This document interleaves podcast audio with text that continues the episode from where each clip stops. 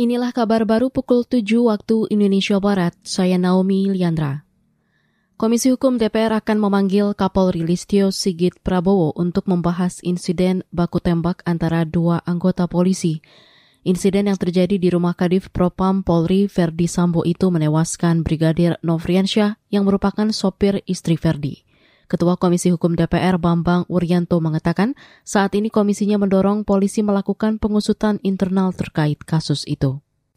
Kita tidak ingin Polri ini menjadi sebuah lembaga yang uh, karena nilai setitik rusak susu belanga. Jadi kita berharap ini diselesaikan dengan bagus dan nanti akan ada rilis lebih bagus lagi dari kepolisian.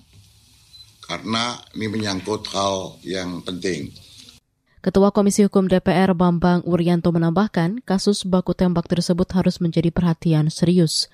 Politikus PDI Perjuangan ini menekankan penggunaan senjata api diatur ketat sehingga apabila ada penyalahgunaan mesti diusut hingga tuntas.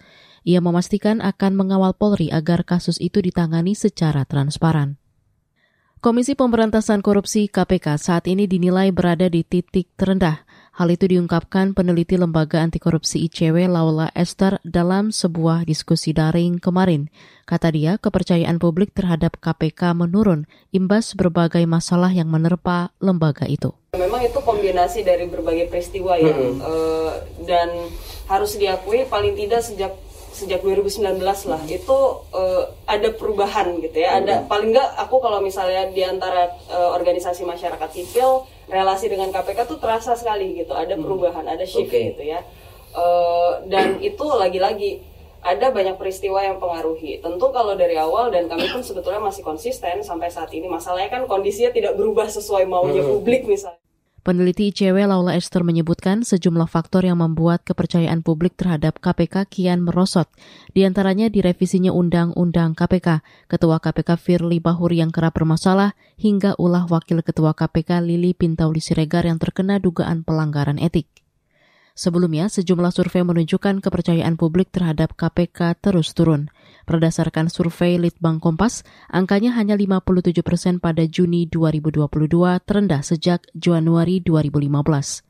Adapun survei indikator politik Indonesia memperlihatkan kepercayaan publik terhadap KPK pada Juni 2022 mencapai 70 persen lebih atau menghuni peringkat 6.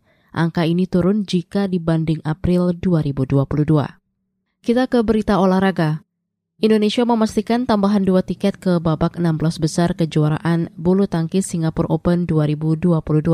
Di hari kedua babak penyisihan hari ini, dua partai yakni ganda campuran dan ganda putra mempertemukan sesama wakil merah putih. Di ganda campuran Hafiz Faizal, Serena Kani ditantang juniornya Rehan Kusharyanto Lisa Kusumawati.